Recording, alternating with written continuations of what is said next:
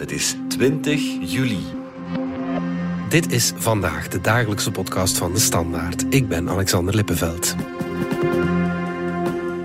Minister van Financiën Vincent van Petegem had een ambitieus plan. Een fiscale hervorming van 6 miljard euro en minstens 835 euro netto per jaar meer voor wie werkt. Vandaag blijft daar niets van over, omdat MR het been stijf houdt. En ook in de Vlaamse regering botert het niet meer nu er opnieuw over stikstof geruzied wordt. En de regeringsleiders die ontkennen de crisis. Wat is er aan de hand in ons land zo vlak voor het politieke reces?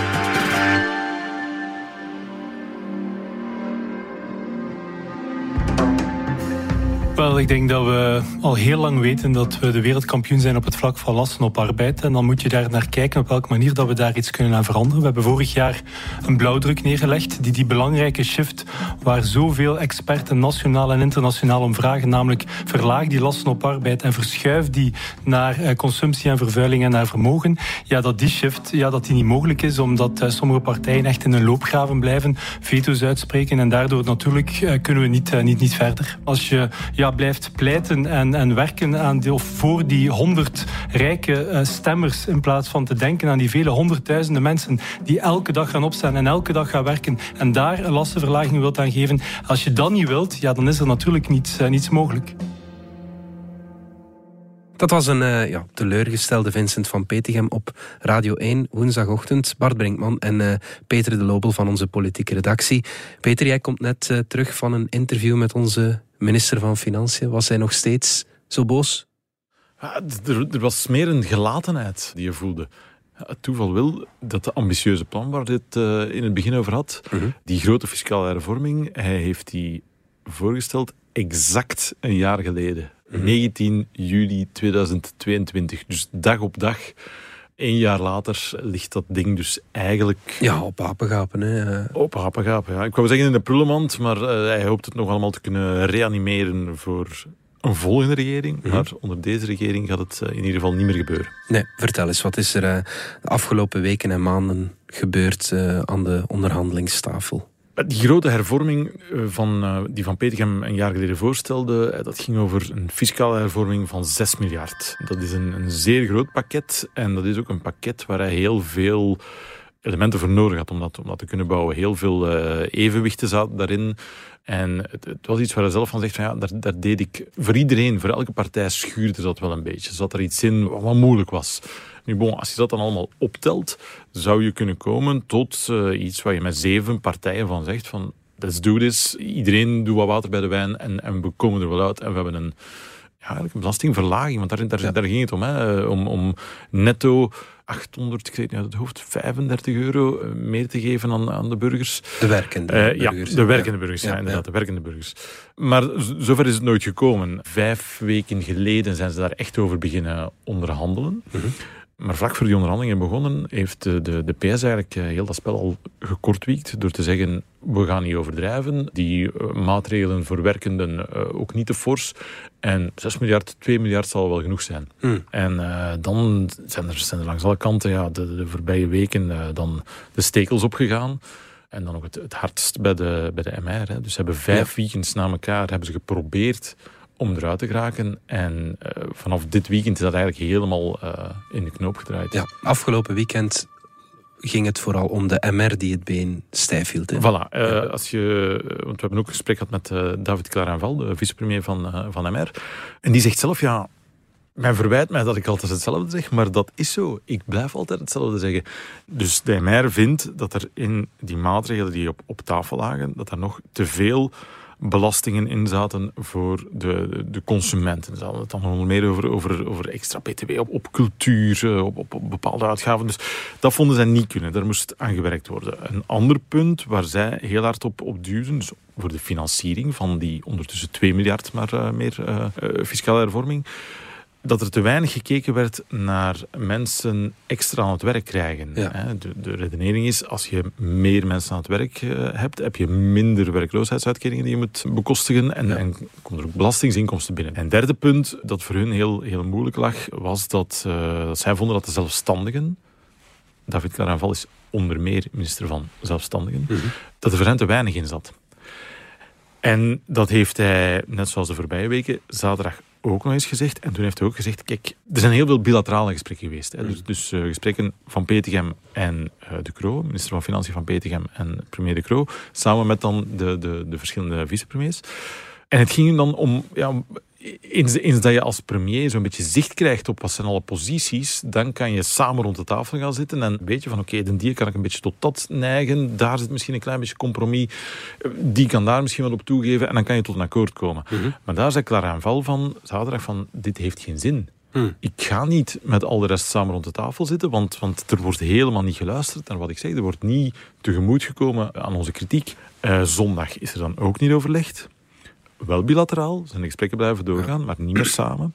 En aan maandag uh, heeft zich dat nog een keer uh, uitgekristalliseerd in een, een, mededeling na het uh, partijbureau, het uitgebreid partijbureau bij de, bij de MR. Mm Hebben zij een, een communiqué uitgestuurd waarin ze die punten nog eens herhaalden en ook nog eens zeiden, zolang dat niet beweegt, zolang daar geen toegevingen in zitten voor ons, komen wij niet meer terug aan de tafel.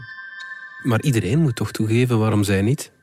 Ja, maar uiteindelijk werd er niet gesproken over een, over een taxcut. Er werd gesproken over een taxshift. Mm En dat moeten we toch wel in ons achterhoofd houden. Dat wil dus zeggen dat alles wat je geeft aan de ene kant moet je ergens anders wegnemen.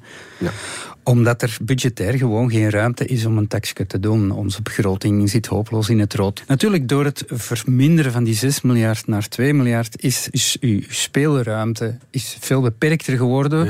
Uh, je wil iets geven, maar waar ga je het halen? Dus eigenlijk de, de, de pot waar dat je het geld kunt gaan halen, ja, die wordt gewoon kleiner. En dan heb je natuurlijk een partij zoals de MR, maar misschien ook wel een beetje de, de Open VLD. Maar goed, de Open VLD levert de premier, dus die willen in de eerste plaats een akkoord.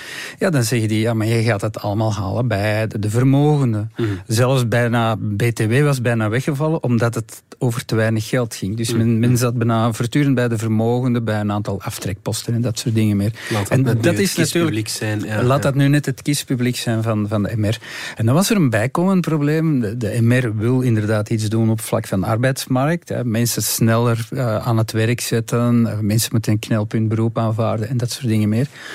Maar de Croo had eigenlijk van meet af aan gezegd: ik ga geen rekening houden met terugverdieneffecten. Want uiteindelijk dan hou je rekening met terugverdieneffecten. Dat is een klassieke truc uh, in de begroting. We gaan van alles doen. Het gaat ons veel kosten, maar het gaat ons nog meer opleveren.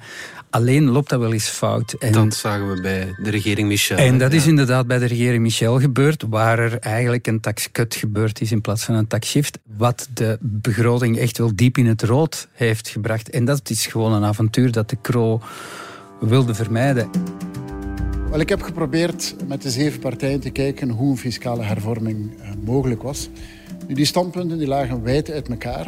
En het resultaat daarvan was dat het niet mogelijk was om tot een akkoord te komen zonder dat dat een zeer zware impact zou hebben op onze begroting. En dat is voor mij altijd een rode lijn geweest. Ja, nu een fiscale hervorming doen die onze begroting zwaar in het rood zou duwen, dat zou geen goede zaak zijn, zou ook geen goede zaak zijn voor de mensen. Een belastingsverlaging doen die je dan later terugbetaalt omdat de begroting ontspoort, dat zou geen goede zaak zijn.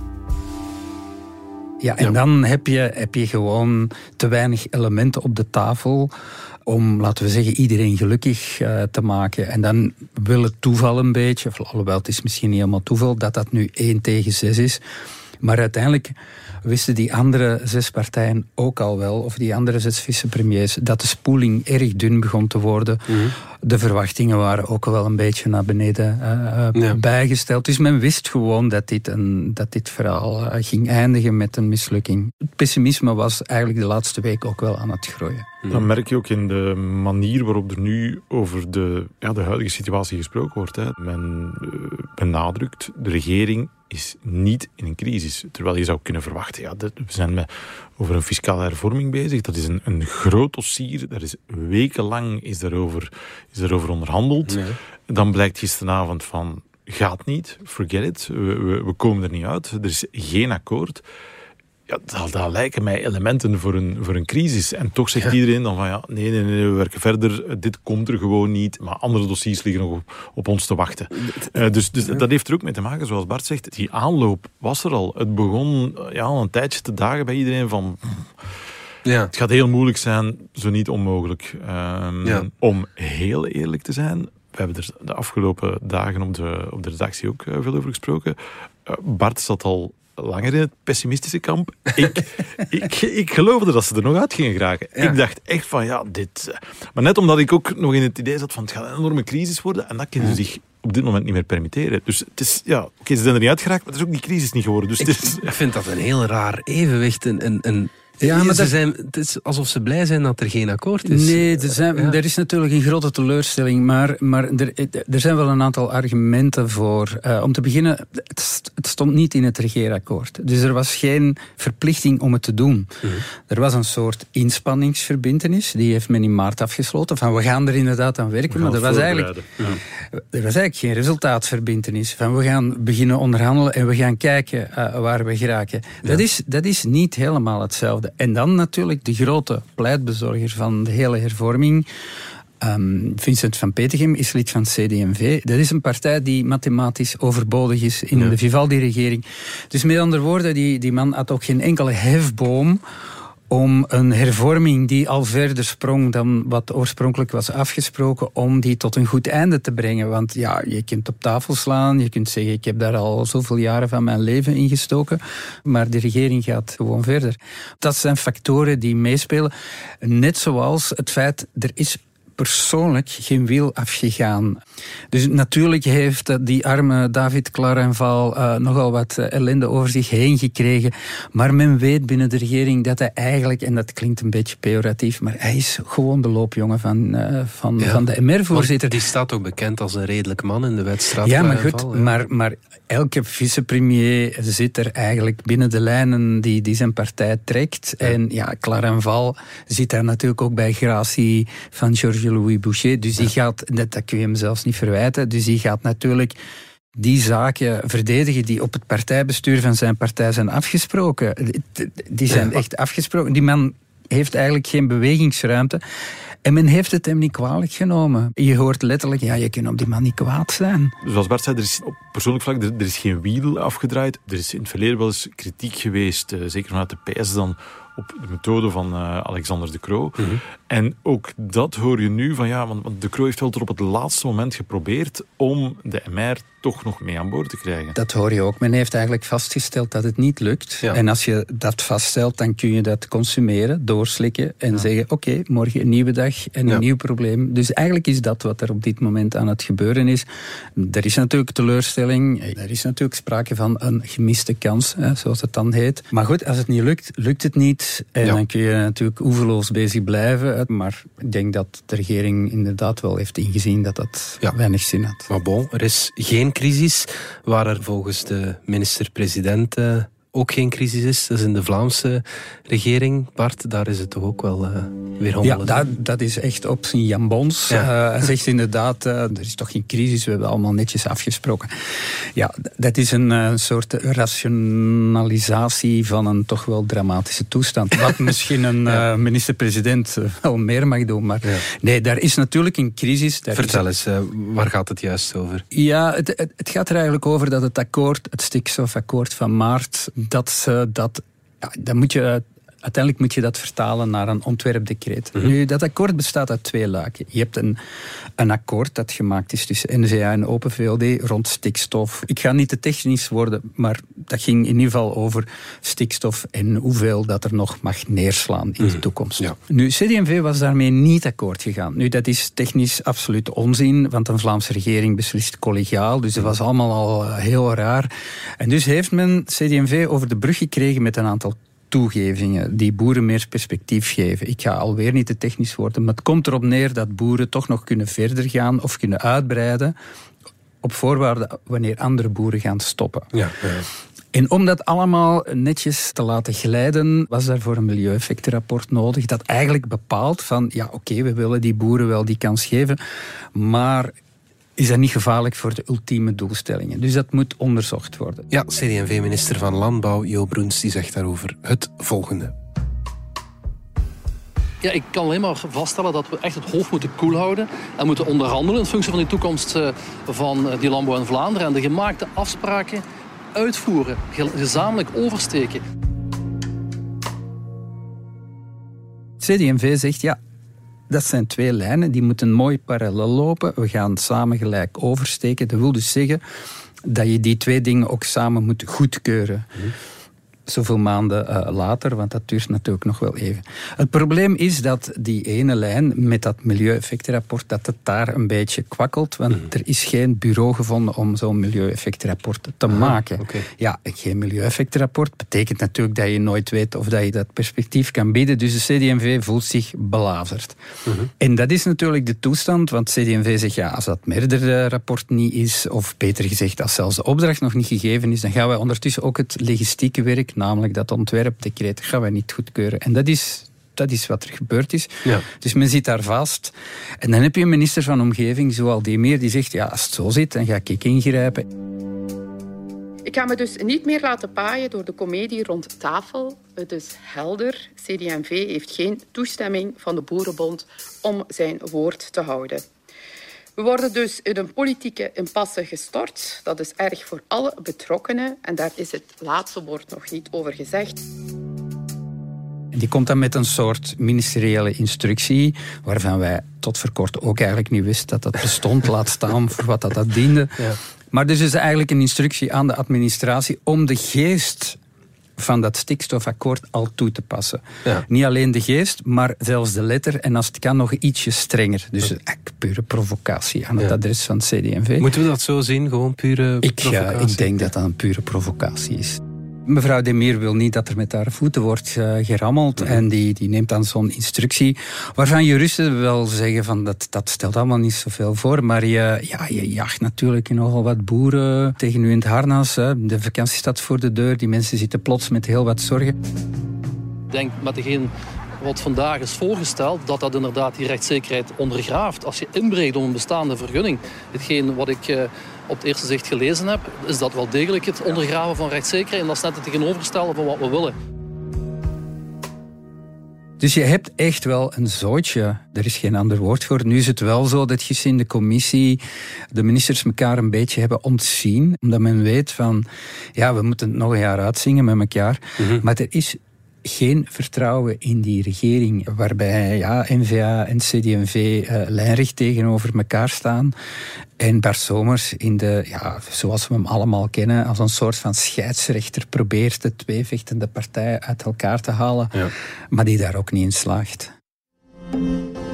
Straks gaan we nog even uitzoomen, maar eerst gaan we er even uit, want we hebben een nieuwe podcastreeks aan te kondigen.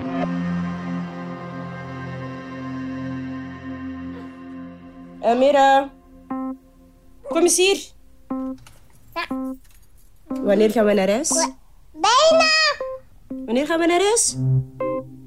Bijna. Ik ben Saba en ik verblijf in de gevangenis van Brugge. En nou, mami. Samen met mijn dochtertje Amira. Nee. Ja. Ja. mijn dochter heeft hier leren lopen, praten, klimmen. Wel, Amira? Alles wat dat Amira kan, heeft ze hier allemaal geleerd. Kijk voor je, schat. Kijk voor je. Ik vertel mijn verhaal in Hier woont mama nu. Een podcast over de moeder- en kindafdeling in de gevangenis van Brugge. Maar salut. Salut. Nog een keer? Salut. Luister naar Hier woont mama nu volgende week als zomerreeks in DS Vandaag.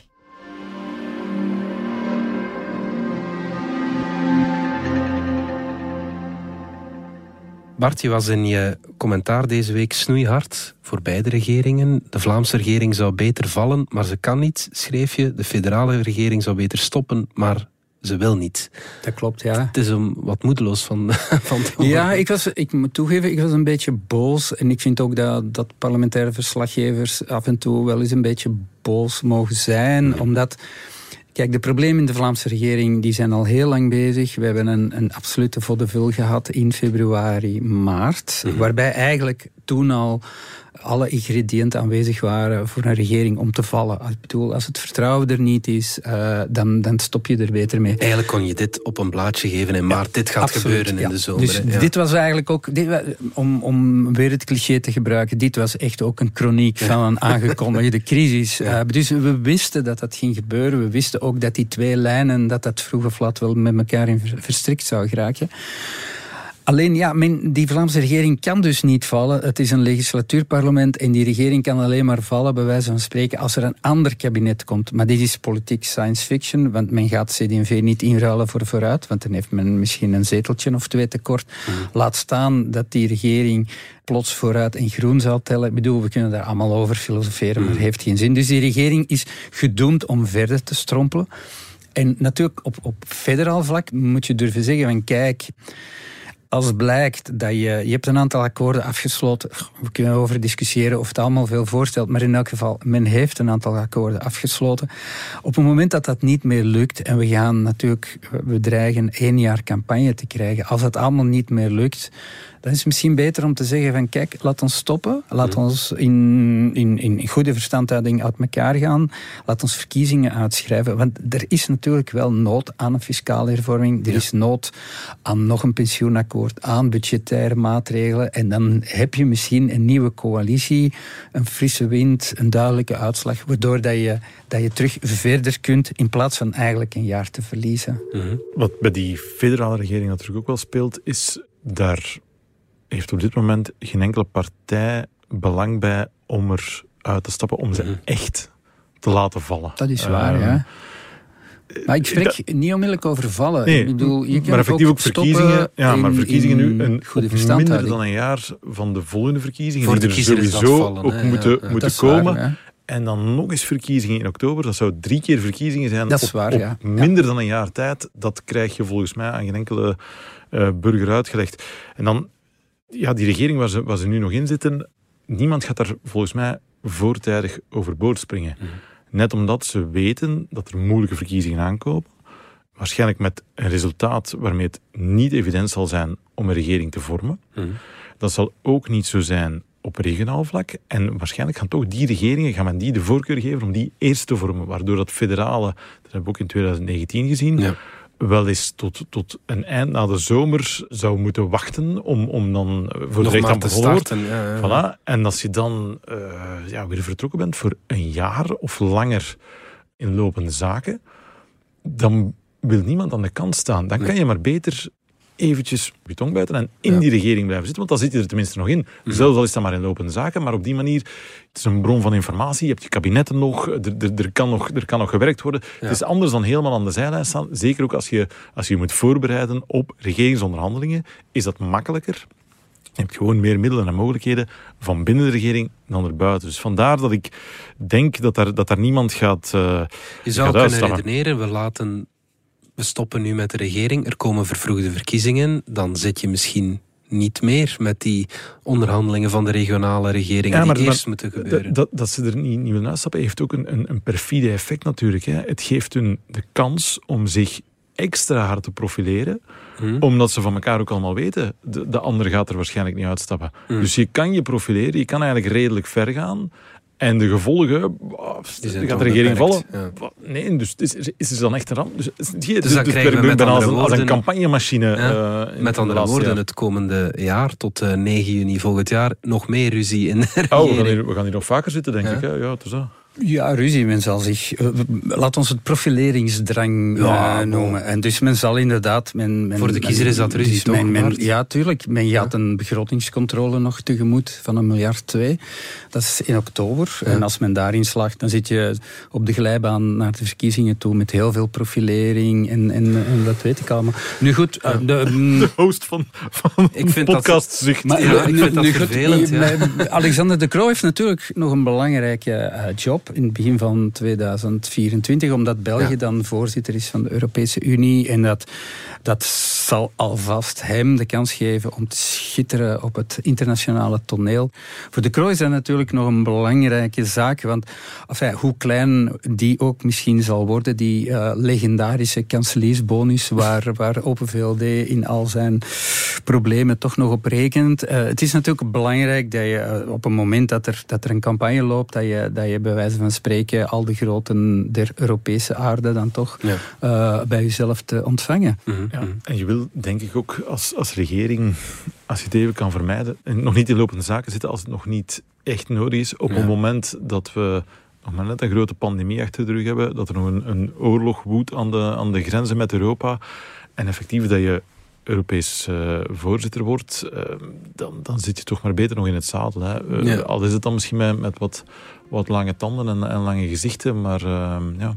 Ja, en zo lijkt het beleid meer en meer op lopende zaken, hoe je het ook draait laat of ons, keert. Laat ons eerst vakantie nemen. Ja. we zien wel in september, als, als iedereen terug is van ongetwijfeld vakantie in veel te warme gebieden. Ja. Prikken wij onmiddellijk een datum? Of? Ja, dat is goed. Peter, Bart, dank jullie wel. Graag gedaan. Dit was vandaag de dagelijkse podcast van De Standaard. Bedankt voor het luisteren. Volg ons op Spotify, Apple Podcast of eender welk ander podcastplatform. In onze gratis FDS podcast kan je niet alleen ons werk beluisteren, maar ook de beste podcasttips terugvinden. Alle credits van de podcast die je net hoorde vind je op standaard.be-podcast. Reageren kan via podcast.standaard.be.